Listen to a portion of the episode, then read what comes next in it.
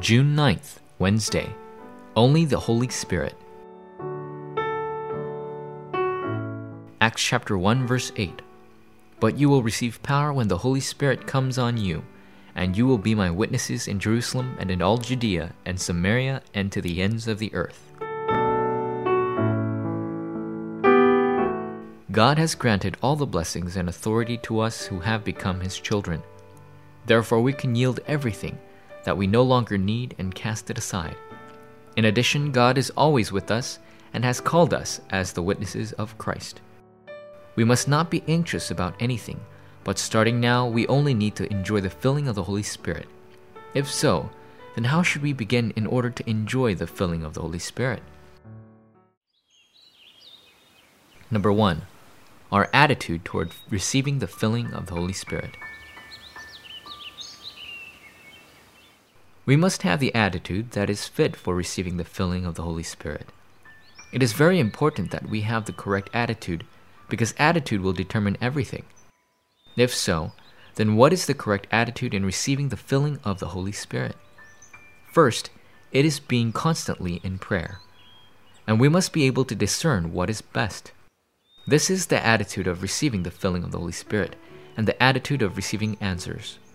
Lastly, we must be able to foresee what comes next because we will undoubtedly receive answers. This is the correct attitude toward receiving the filling of the Holy Spirit.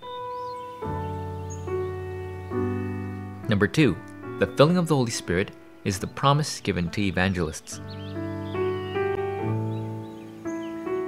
The filling of the Holy Spirit is the promise that God made with the early church who had the gospel and the heart for the evangelism movement, as well as the promise that God has given to us who will share the gospel.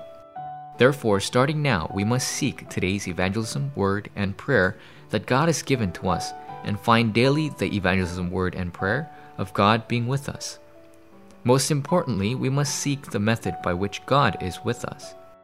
Those who correctly sought after this were the seven remnants and the heroes of faith in Hebrews 11. If we can find this method through scheduled prayer and continuous prayer, God will grant us the greatest blessings. Number three, method by which we can maintain the filling of the Holy Spirit. The most important method by which we can maintain the filling of the Holy Spirit is the guidance of the Holy Spirit.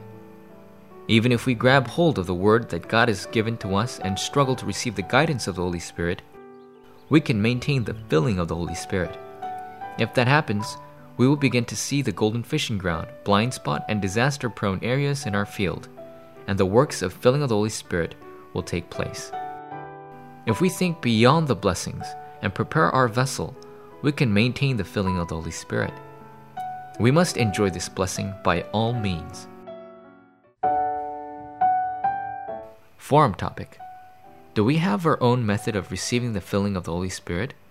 What is the attitude necessary for maintaining the filling of the Holy Spirit? What kind of challenges must we take up for the filling of the Holy Spirit?